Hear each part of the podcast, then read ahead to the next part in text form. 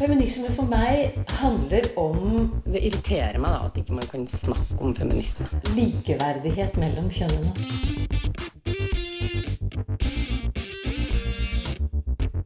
Det blikket på kvinnen på film. Det handlet om å bli tatt på alvor som jente.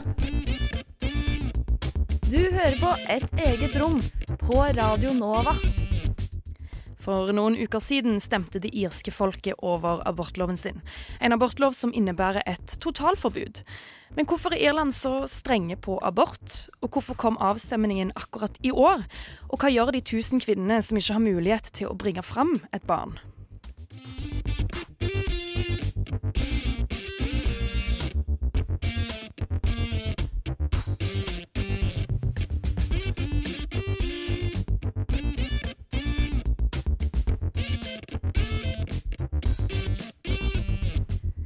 Hvis folk stemmer for å oppheve tillegget, vil det helt klart bli en endring.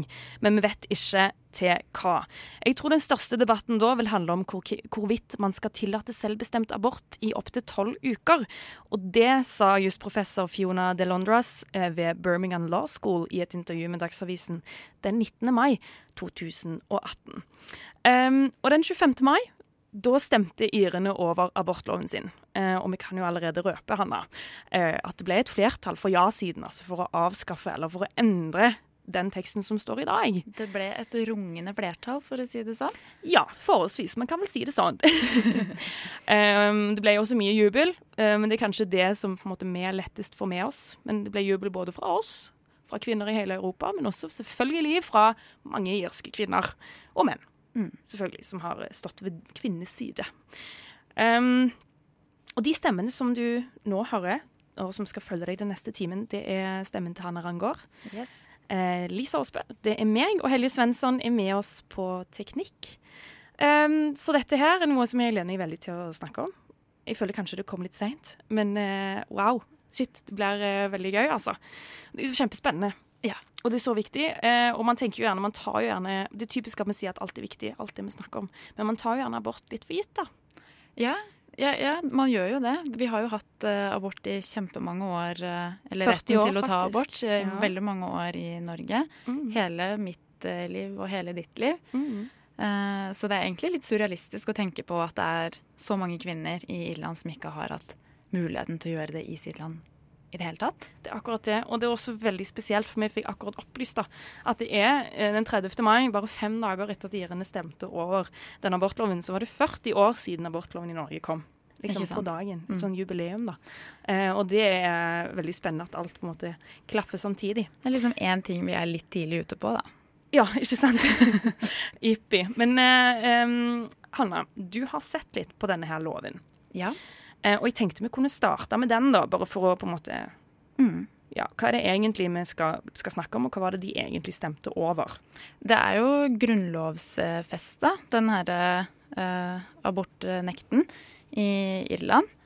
Eh, og den sier rett og slett at fosterets rett til liv er likestilt eh, kvinnens rett til liv, og at du har nesten aldri lov til å ta abort i Irland. Det er kanskje noen tilfeller hvor de kan se at det, det er eh, et behov for kvinnens skyld. Mm. Eh, og det er hvis det er en veldig stor risiko for uh, død, eller en veldig stor risiko for uh, fysiske komplikasjoner, da.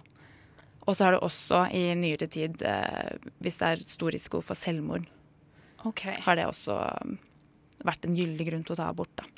OK, men altså er det mange som får innvilga abort på dette grunnlaget her, da? Altså er det sånn man kan på en måte Ikke fake seg til det, men at hvis man på en måte bare ikke vil, men man er ikke suicidal, liksom, kan man få det da, eller Nei, det der? Det tror jeg absolutt ikke. Det er veldig få. Uh, I 2016 var det 25 stykker uh, som ja. fikk uh, innvilga abort. Da kan jeg bare skyte inn her at aborttallet for Norge det er 12 700. Litt over 12 700 som tok abort eh, i 2017 i Norge. Nettopp. Det er en veldig ekstrem kontrast, da. Mm. Eller vi vet jo at det var flere i Irland som tok abort enn det, da. Men ja. de som fikk lovlig innvilga av myndighetene, da. Ja, i sitt, si. i sitt, land. Det var kun 25 stykker. Eh, og 2015 26 og 2014 24. Mm. Så det ligger på et stabilt tall. Um, og det som også er, for å kunne få innvilga en abort, da, så må du ha, hvis det er risiko for liksom sånn krisesituasjon, du kommer til å dø av denne graviditeten, så er det nok at én lege sier OK, greit, du kan, du kan ta abort. Uh, hvis det er stor risiko for andre fysiske komplikasjoner, så må du ha to leger til å vurdere om du kan ta abort eller ikke. Ja. Og hvis det da er uh, risiko for at kvinnen kan ta selvmord, så må du ha tre leger til å vurdere. Da er det ikke nok med én eller to. Så hvis det går på det psykiske, så er det på en måte tre stykker, da? Ja. Og det var kun én som fikk det pga. Selvmord, selvmordstanker i 2016. Ja. Vi har jo også funnet en del eksempler på uh, mange som burde fått innvilga abort, og som ikke har fått det. Og som mm. enten da um, Ja, som enten til slutt kanskje fikk det etter ganske lange runder i, i, i retten, men også noen som døde. Um, fordi at jeg tenker det er veldig mange spørsmål knytta til akkurat dette her. Uh, for Irland skiller seg jo uh, Irland skiller seg jo på en måte ut, da. De gjør jo det. Uh, fordi at Hvorfor er det akkurat de som på en måte henger igjen med et slags sånn forbud om abort? da? Um, og så veldig snart så får vi besøk av Gro Lindstad fra Fokus, som jobber mye med akkurat dette. Men før det så skal vi høre historien til ei dame som hennes død da utløste veldig mye demonstrasjoner. Og den historien blir fortalt av Ann Marie Synne.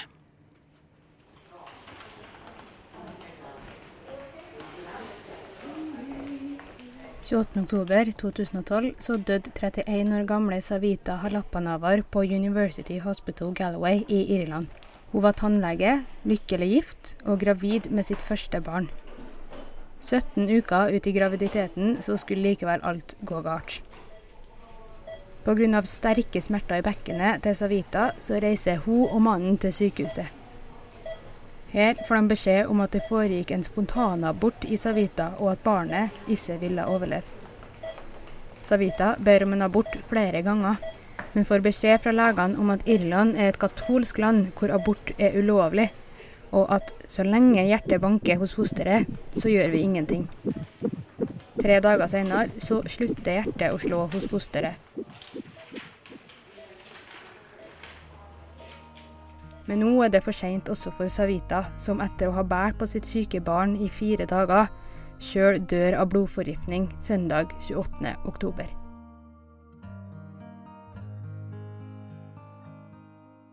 Abort har vært ulovlig i Irland helt siden 1861, men i 1983 ble det holdt en folkeavstemning som endte med en grunnlovsendring som likestilte fosteret og mora sine rettigheter.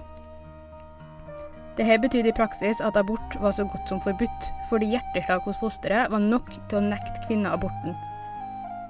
Fram til en 14 år gammel jente ble gravid som følge av en voldtekt i 1992, så var det også forbudt å reise for å gjennomføre en abort i andre land. I 2013 vedtok regjeringa en lov som bekrefter at abort er ulovlig i Irland, og den maksimale straffen på 14 år i fengsel for å ha tatt en abort ble opprettholdt. Et svangerskap kan under denne loven kun tillates hvis mora sitt liv blir vurdert å være i fare. Dette kan enten være fysisk fare, som da må vurderes av to leger, eller fordi mora vurderes å være suicidal, da av to psykiatere, en gynekolog eller fødselslege og en allmennlege, som alle må være enig. Dette betyr i praksis at kvinner ikke har rett til abort, sjøl når hun blir gravid som følge av en voldtekt, som følge av incest, eller hvis hun rett og slett ikke ønsker svangerskapet.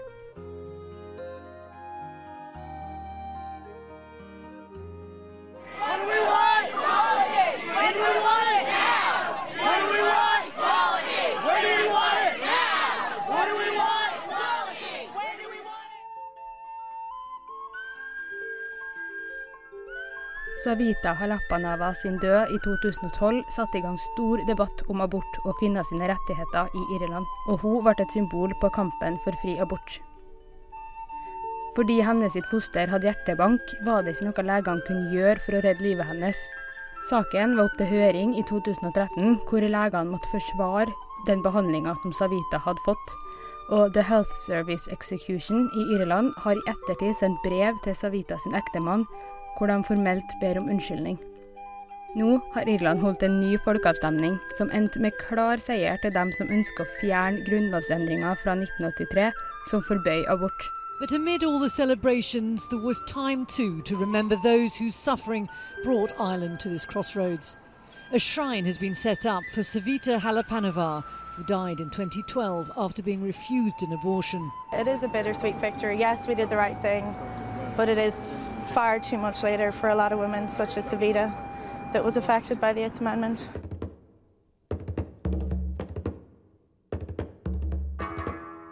Det ser nå ut som Irland beveger seg i riktig retning, og som statsministeren Leo Varadkar sjøl har uttalt. Today, we as a people have spoken, and we say that we trust women and respect women to make their own decisions and their own choices. For me, it's also a day when we say no more. No more to doctors telling their patients that there's nothing can be done for them in their own country. No more lo- lonely journeys across the Irish Sea.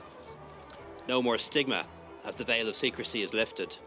And no more isolation as the burden of shame is gone.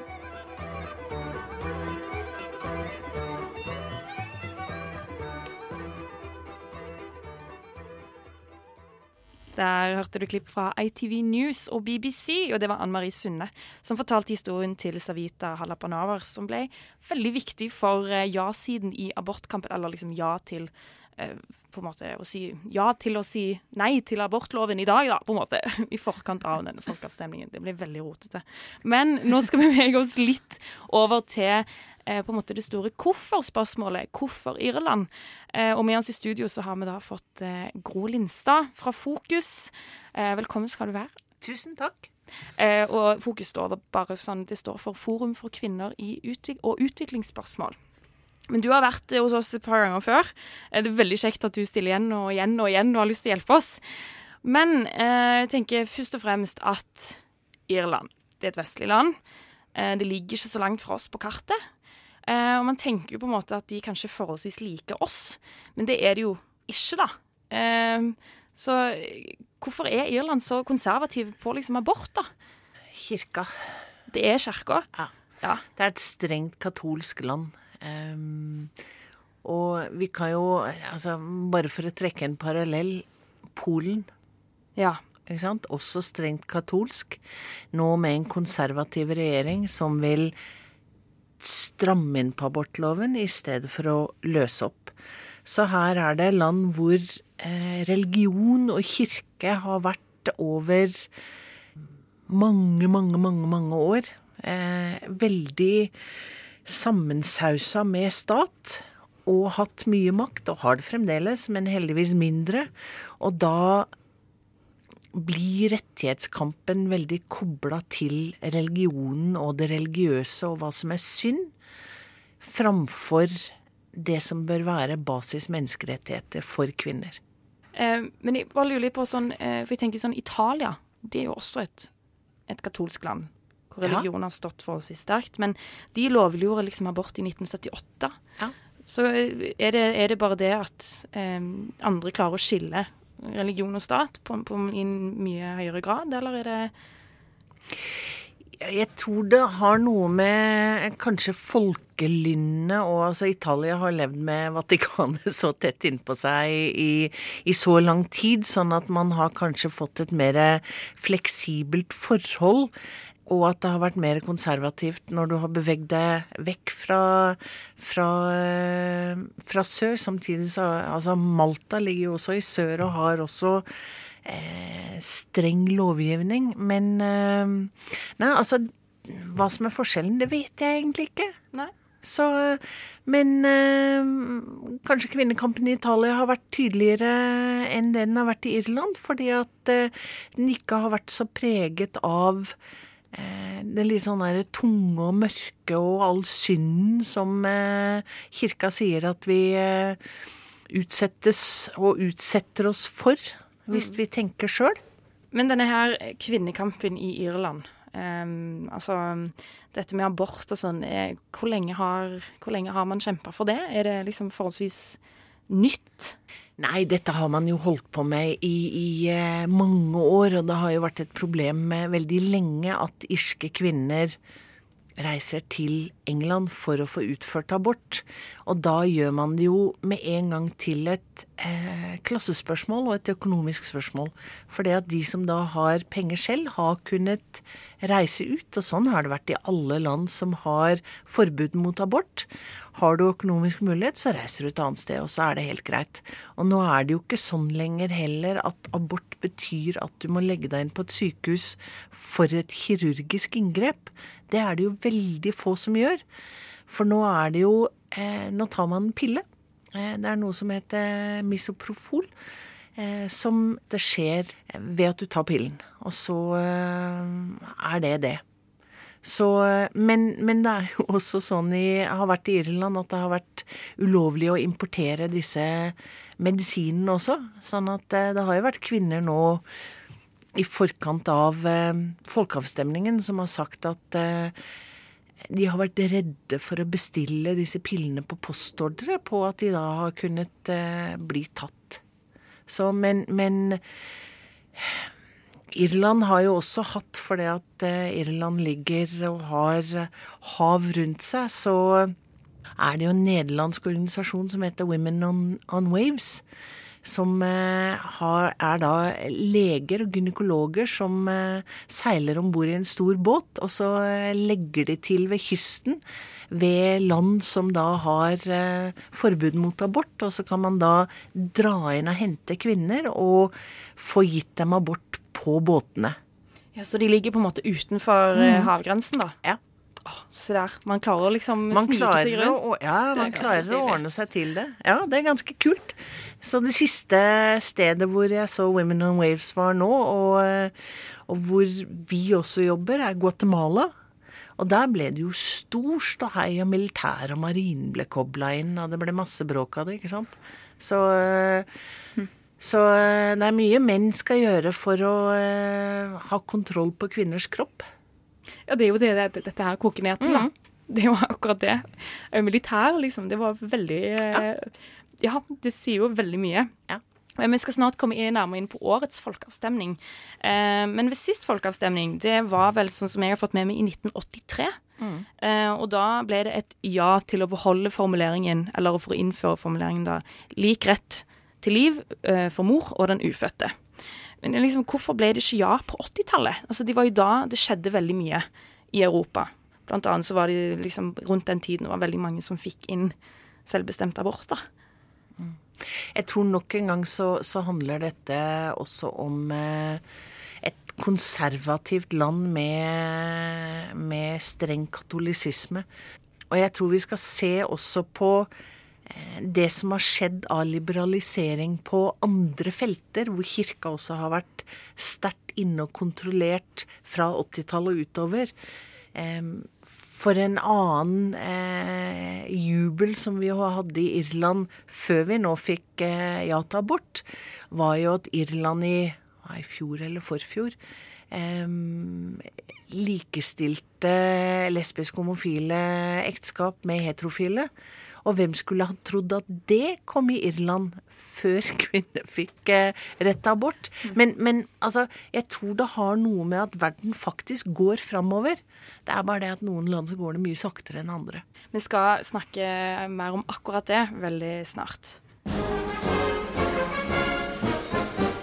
Tenk på da vi gikk i demonstrasjonstog, og Ingrid på seks år gikk med plakat hvor det sto 'Jeg vil bli statsminister'. Og alle mennesker lo langs ruta for at en jente skulle kunne bli statsminister. Du hører på Et eget rom på Radio Nova.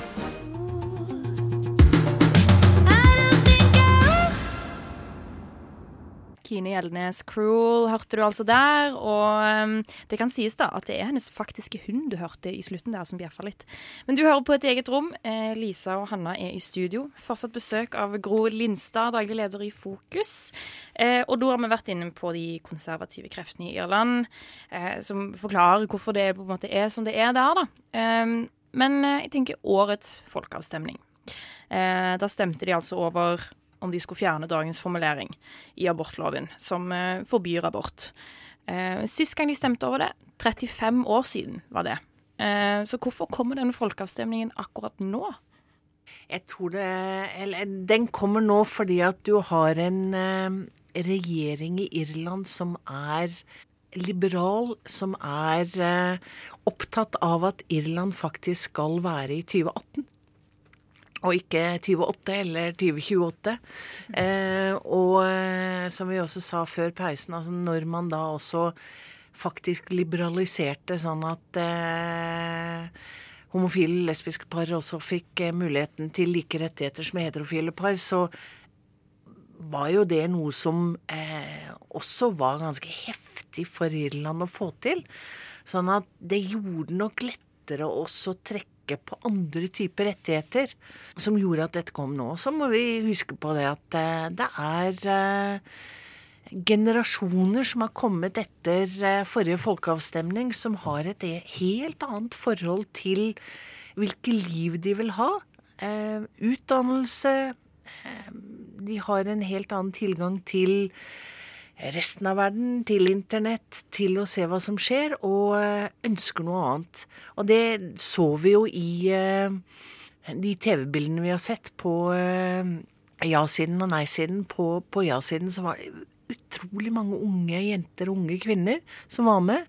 Godt iblanda de godt voksne kvinneaktivistene som når ja-et kom og, og, det var så overveldende, også sto og gråt for det at endelig så gikk det i orden. Så det var gjerne kanskje kvinner som tidligere på en måte har stemt liksom vært, vært pro life, da, eller mot abort? Ja, noen av dem kanskje, men, men du, har, du, har, også da aktivistene som også ønska et ja i 83, og som ikke fikk det til. Og som da har måttet vente i alle disse årene, og så endelig. Ikke sant? Dette skjedde i min livstid. Mm, nettopp. Men eh, nå har vi vært litt inne på, på måte, hvem, hvem, som er denne ja-stemmeren, ja til abort. Eh, kanskje unge kvinner. Eh, eldre kvinner. Noen menn også, kanskje? Ja, ja. Altså, vi må huske på her at eh, for å få til likestilling, så eh, er det jo mer og mer en diskusjon nå om at vi må involvere menn og gutter. Og, det er jo ikke sånn at eh, alle menn og gutter er pro life. Det er jo mange menn og gutter som står ved siden av oss og backer oss opp og ønsker at det skal være en reell likestilling. Um, tenker denne her, de som, de som er pro-life, da, hvem, hvem, er de? Konservative segmenter. Mye eh, religiøse koblinger. Eh, de lærer veldig av hverandre. Sånn at argumentasjonen du hører i Irland, kan du vel så gjerne høre igjen i Polen eller i Norge eller i USA eller andre steder. Og de bruker også mye ungdom som da går på konservative katolske skoler eller kristenkonservative skoler, som eh, blir dytta ut for at ikke bare det skal være det liksom godt voksne segmentet som er forbi overgangsalderen, som eh, blir de som skal argumentere mot abort. Så jeg har vært til stede i internasjonale sammenhenger med sånne der smilende, hoppende, blide eh, jenter og gutter i 16-17-årsalderen som har kommet bort til meg på konferanser og lurt på om ikke jeg skal komme på deres eh, side-event. Eh, for det at der skal de snakke om eh, hvorfor det er så viktig at man er pro life. Så og veldig underlig å høre en del av argumentasjonen deres. Men hva er det de sier da, de som er pro life eller anti-abort? Nei, de er veldig opptatt av at eh, at eh, når man har hatt sex og da er blitt gravid, så er det et liv fra unnfangelse. Og at eh, det er mord å eh, ta abort og at man skal bære det fram fordi at det barnet har like stor rett på liv som den kvinnen som bærer det fram, og at eh, alt annet man ser som problematisk, det fikser de. Så, så, en veldig sånn derre og, og, sånn har det jo vært i, i, i Norge også. Altså, Kristelig Folkeparti har jo eh, gjentatte ganger forsøkt å få inn eh, bestemmelse i den norske grunnloven som eh, liv, retten til liv fra unnfangelsen. Og så har de blitt nedstemt hver gang de har foreslått det, men, men, men de har jo foreslått det her også. Så det fins her også? Ja, ja. Det er ikke Klart bare. Irland? Nei, altså Norge det er jo, eh, I Norge så er det jo annet en organisasjon som heter Menneskeverd, som eh, nå er de som er ute og argumenterer sterkest mot abort her i Norge. Og vi ser jo at det er segmenter i Norge også. Så vi skal jo ikke lenger tilbake enn til da, 20, 2013, hvor eh, Høyre-Frp-regjeringen den gangen foreslo å innskrenke retten til abort ved reservasjonsrett, og at leger og sykepleiere i Norge skulle ha en rett til å reservere seg mot å bistå eh, kvinner som kom til legekontorene. Og det har jo aldri vært så mange i 8. mars-tog som det det var i 8. mars-toget 2013. Fordi at det da var en mobilisering mot, og at det var mange da som våkna til og sa ærlig talt. Og som gjorde at regjeringa måtte snu. Men det betyr jo at det er krefter her også, sånn at vi skal ikke ta for gitt, og det skal de nok ikke i Irland heller, at fordi man har fått en lov, så er seieren vunnet for alltid. Det er veldig viktig å tenke på. Mm. Og det er generelt bare noe man må, som du sier, ha i hodet her også. Vet du hva, Tusen takk skal du ha, Gro Lindstad, daglig leder i Fokus. Vi er selvfølgelig ikke ferdig med Irland eller abortlover. Vi skal veldig snart få høre enda mer om hashtag home to vote og litt sånn andre historier. Men før det får du Camp Indie.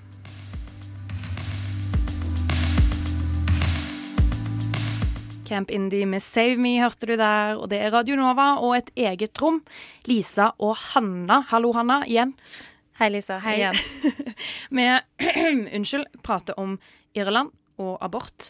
Eh, og jeg har veldig lyst til å liksom, fortsette å snakke litt om denne folkeavstemningen.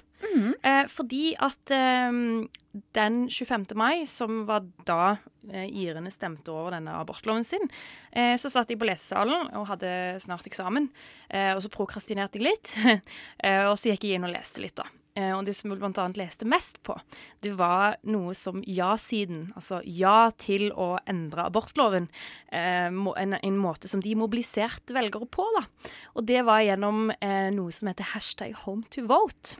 Ja, det er sånn hashtag jeg har sett sverme rundt i sosiale medier, men jeg har ikke helt forstått hva, Hva den handler om.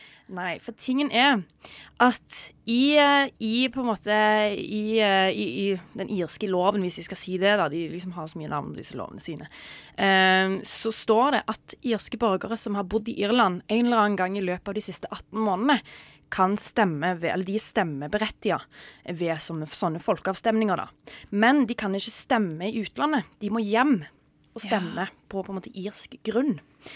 Ehm, så det de har gjort, da, er at uh, Altså, det, det de fant ut, var at det er jo snakk om flere tusen. Jeg lurer på om det var 40 000 som de fant ut, ja-siden som, som de fant ut var stemmedyktige, da. Uh, som ikke var, bodde i Irland eh, på selve datoen, eller som ikke var i Irland på selve datoen. Så det de gjorde, var at de på en måte organiserte det til, sånn at folk som eh, f.eks. ikke hadde muligheten til å stemme ved valget fordi at de hadde bodd for lenge utenfor Irland, eller folk som ikke hadde muligheten til å reise hjem og stemme eh, fordi de hadde planer eller ikke kunne, de kunne da liksom kobles sammen med f.eks. studenter. Um, som, eh, som, som på en måte fikk sponsa billetten deres, da. Uh, hvis de trengte penger til å komme seg hjem til Irland for å stemme. Ja til å endre abortloven. Så utrolig fint. Ja, det Skikkelig spleiselag. nydelig. Uh, og så er det bare generelt det folk har skrevet på Twitter, da. Eh, altså Det er ei som heter Avril Wall, som skrev på Twitter eh, rundt den eh, datoen at ehm, The kindness of randomers is amazing. Got the price of a flight from Abu Dhabi to Dublin donated in 20 minutes. I'm coming home to vote. Ikke sant? Shit. Masse sånne historier som folk som har fått donert, den fordi de ikke har råd, men også bare generelt folk som bare har ekstremt lange reiseveier, som skriver at nå kommer vi hjem, må mobilisere oss og, og så stemme ja. Folk som har liksom kjempelange reiser, og folk fly som er forsinka, sånn at de må liksom uh, få holdt igjen en båt, en ferje, for at de skal rekke å komme seg hjem. Og så tweeta de til liksom båtselskapet, liksom, og så fikk de til å holde båten igjen, sånn at de fikk på en gruppe med ti stykker som skulle rekke, rekke stemmelokalene før de stengte, da. Så utrolig flott. Ja. Det viser jo også at det her er virkelig noe mange ønsker å få til, når du er villig til å både donere flybillett eh, Mm. til eh, fremmede og reise så langt, bare for å få avgi en stemme. Absolutt. Absolutt. Så eh, det var, så var det også en velkomstkomité på flyplassen i Dublin, der folk liksom sto og bare «Woo, 'Velkommen hjem! Stem ja!' Og så reiste folk reiste i sånne repeal-gensere, da. eh, Som den ja-siden brukte for å markere standpunkt, sånn merch, da.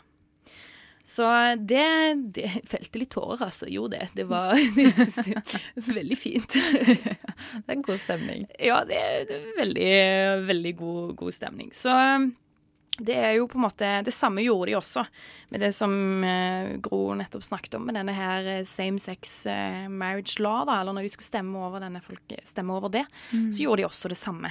Og da er det gjerne typisk at det er eh, utvekslingsstudenter, da, eller unge folk som på en måte er ute i verden, og som, som det er gjerne typisk at det er de som også vil stemme ja. Mm.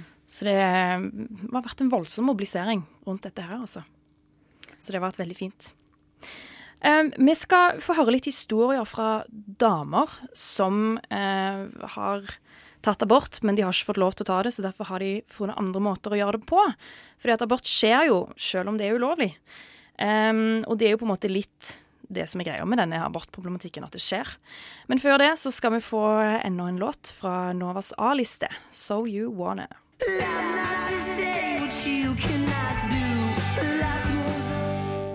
Spacey Jane med So You Wanna fikk du der. Fortsatt et eget rom, fortsatt abort, fortsatt Irland. Eh, og eh, nå sa vi jo litt før låten at vi skal fortelle litt historier. Fordi at eh, abort skjer jo, selv om det er ulovlig. Så Hanna, fyr løs. ja. det har jo skjedd ganske mange også, eh, utenfor Irlands grenser. De, jeg tror helt siden eh, 80-tallet så har det vært lov for eh, irske kvinner å reise ut av landet og få abort andre steder i Europa. Eh, og så fant jeg litt eh, statistikk, da. Eh, over hvor mange kvinner som har tatt abort i England og Wales eh, de siste årene. Og da ser man sånn i 2002 så var det ca. 6500 som eh, reiste dit for å ta abort. Eh, og nå i 2017 så er det nesten halvert, da, men det er fortsatt 3000 som reiser dit hvert år Mm. og tar abort. Eh, og så så jeg litt nærmere på statistikken, og da, det, da ble jeg litt trist. For da har de liksom sortert hver eneste abort etter eh, alder. Og så ser du at hvert år så er det en ganske god andel med folk under 16 år som må reise ut av landet for å ta abort. Eh, Så det er jo de de går utover, da. ja. De Når- under 16 år, de er så små, altså. De er kjempeunge. Og det er fortsatt sånn de over 40 eh, er jo fortsatt eh, mange flere enn de under 16, men da har du i det minste forhåpentligvis økonomi og, og muligheten til å, til å ta det valget selv. Men når du er 16, så er, du, er det kanskje ikke så lett da, å sette seg på et fly og reise til eh, London eller hvor man skal.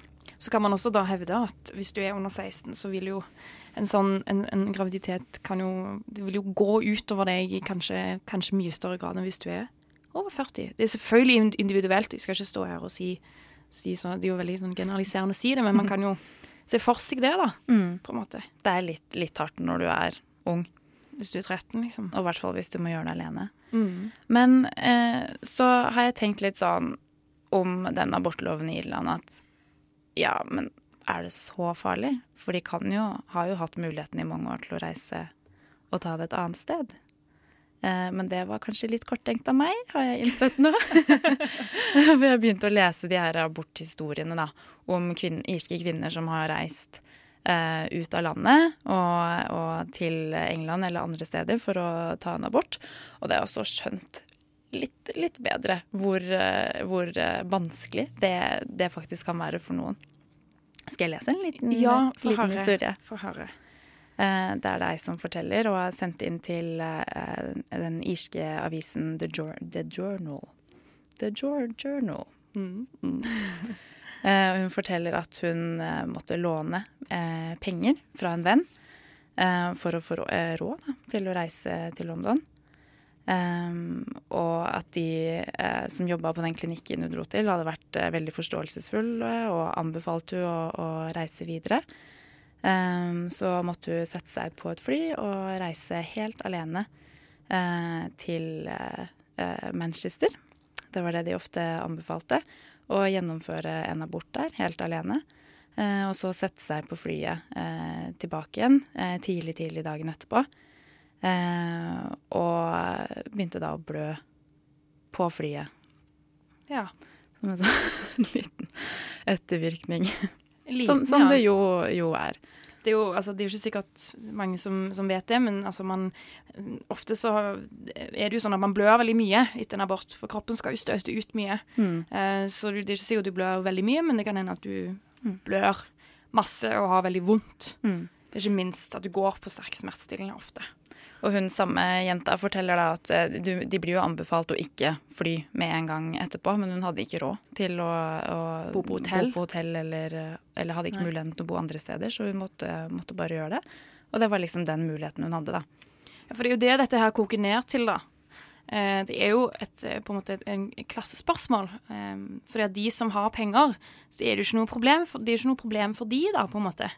Men for de som ikke har råd, eller de som er veldig unge, og de som ikke har lyst til å si det til foreldre, eller altså de som Ja, rett og slett de som er fattige, da. De, for de så er, er dette et kjempestort problem, og det er de det går utover, først og fremst. Mm. Så da får du plutselig noe som bygger opp under klasseskillet også, da. Mm.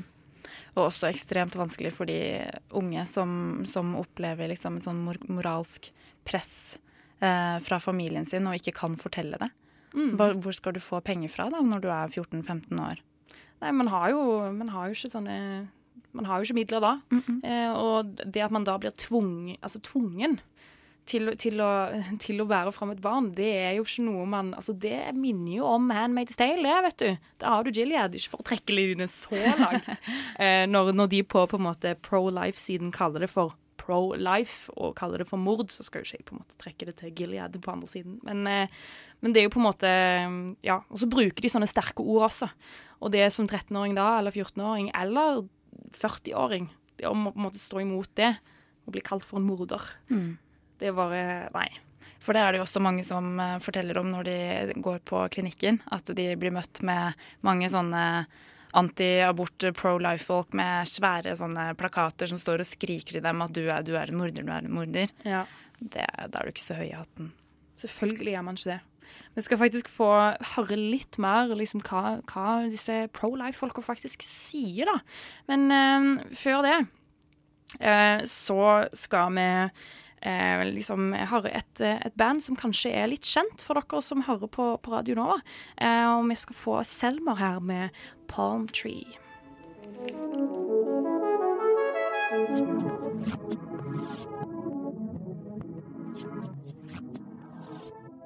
Selmer med Palm Tree der. Det er litt sånn passende med sånn flytende indiepop-aktig når sommerferien kanskje er her for de fleste av oss, iallfall. Forhåpentligvis. Det er jo noen som fortsatt sitter og sturer på den lesesalen. Håper dere får ferie snart. Stakkars dere. Ja. Rip. Ja. Men det store spørsmålet er på en måte hva skjer nå? Og det er jo det vi skal på en måte gå litt inn på nå. Eh, fordi at eh, Vi spurte jo eh, Gro Lindstad fra Fokus, som vi hadde på besøk for litt siden nå, hvis du akkurat skrudde på. Vi spurte hun litt om dette, eh, og hun sa jo da eh, For vi fikk jo ikke tid til å spørre om det tidligere, men hun sa jo da at eh, det blir en lov. For vi var litt inne på dette her, meg og deg, Hanna, når vi snakket om dette her litt før. Liksom, kan det være at de på en måte bare driter i folkeavstemningen og kupper alt noen gjør det? og så- Krisemaksimerer veldig. Ja, det er noen som har sett litt mye på Handmaid's Tale eh, i det siste, tror jeg. det kan veldig godt hende, altså. Men det blir Det, Det kunne blir Gro bekrefte. Ja, men det ble jo veldig spennende å følge diskusjonene framover nå, som vi var litt inne på helt i starten av sendingen. Så er det det eh, Skal det bli tolv ukers grense på det? Selvbestemt inntil tolv uker. Eh, og så var det også Gro sa også noe som var veldig interessant, dette her med reservasjonsrett. Mm. For er det sånn at irske leger da kommer til å altså få muligheten til å reservere seg mot å utføre aborter eller henvise til aborter? Og i så fall, hvor mange kommer det til å bli? For Hvis det blir veldig mange, så blir det på en måte litt samme problematikk. Da Da må man jo kanskje også reise langt for å ta en abort.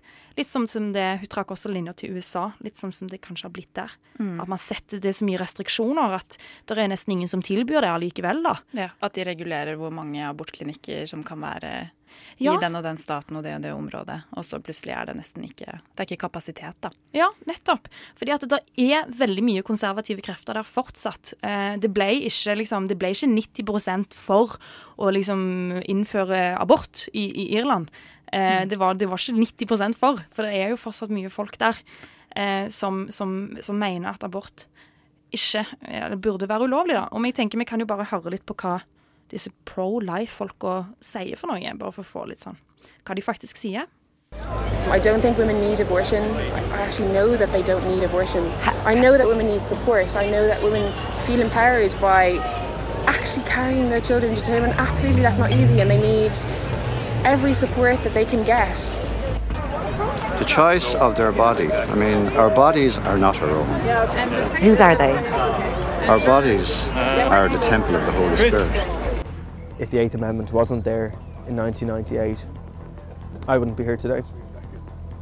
And that's, you know, one of the reasons why I'm voting no to give other unborn children a chance at life. And the Eighth Amendment indiscriminately protects and acknowledges not only the humanity, but the value and the right to life of the unborn child. Der eh, hørte du altså klipp fra SBS Dateline og AFP, News Agency. Og det er jo på en måte religion de argumenterer med. Da. Det er mye ting som man ikke kan argumentere mot, føler jeg. Mm. Det er veldig vanskelig når du kommer med den, det religionsargumentet at liksom det er, man har, Vi har ikke, bestemmer ikke over egne kropper, det er det bare Gud som gjør. Så er det liksom, ja, du har jo rett til å mene det, men jeg er jo helt uenig. Ja, det er akkurat det. Og da er det jo det at man blir helt uenig. Eh, og at de da ønsker på en måte Begge sider ønsker at sitt argument skal gjelde for begge to. Men det er på en måte sånn Man kan ikke argumentere sånn mot å, å ta noen på religionsargumentene. Mm. Det er så utrolig vanskelig, da. Mm. Men da er det litt den der med at OK, du er veldig konservativ og veldig religiøs. eh, Og mener at eh, kvinner ikke bestemmer over sin egen kropp, og ikke menn heller. At det, det er liksom Guds verk, og vi skal ikke tukle med noen ting. Men hans, altså han som prater i det i klippet, da, eh, hans syn kan jo ikke begrense alle andre som ikke deler den samme, samme synet på eierskap over egen kropp, som Mm. han gjør. Det er helt klart. Det, det er veldig sant. Og det er jo der man har kommet til nå. Heldigvis, da. At heldigvis gikk, gikk den der igjennom. Mm. Men jeg synes også det er en annen ting som er veldig interessant, som jeg har bare lyst til å ta opp litt. Eller det er egentlig to ting. Jeg håper jeg rekker begge deler. Men det første er liksom det at um, Det er jo dette med ordbruk som har vært litt inne på. Både hvilke ord de pro-life-folka bruker, at de kaller seg for pro-life, og at de bruker mord. Men bare også dette her med eh, ordbruken i eh, på en måte loven. For det første at man istedenfor å kalle eh, et foster for et foster, eller et embryo for et embryo, så kaller man det for et unborn child. Eller man kaller det, ja, man kaller det for et unborn child.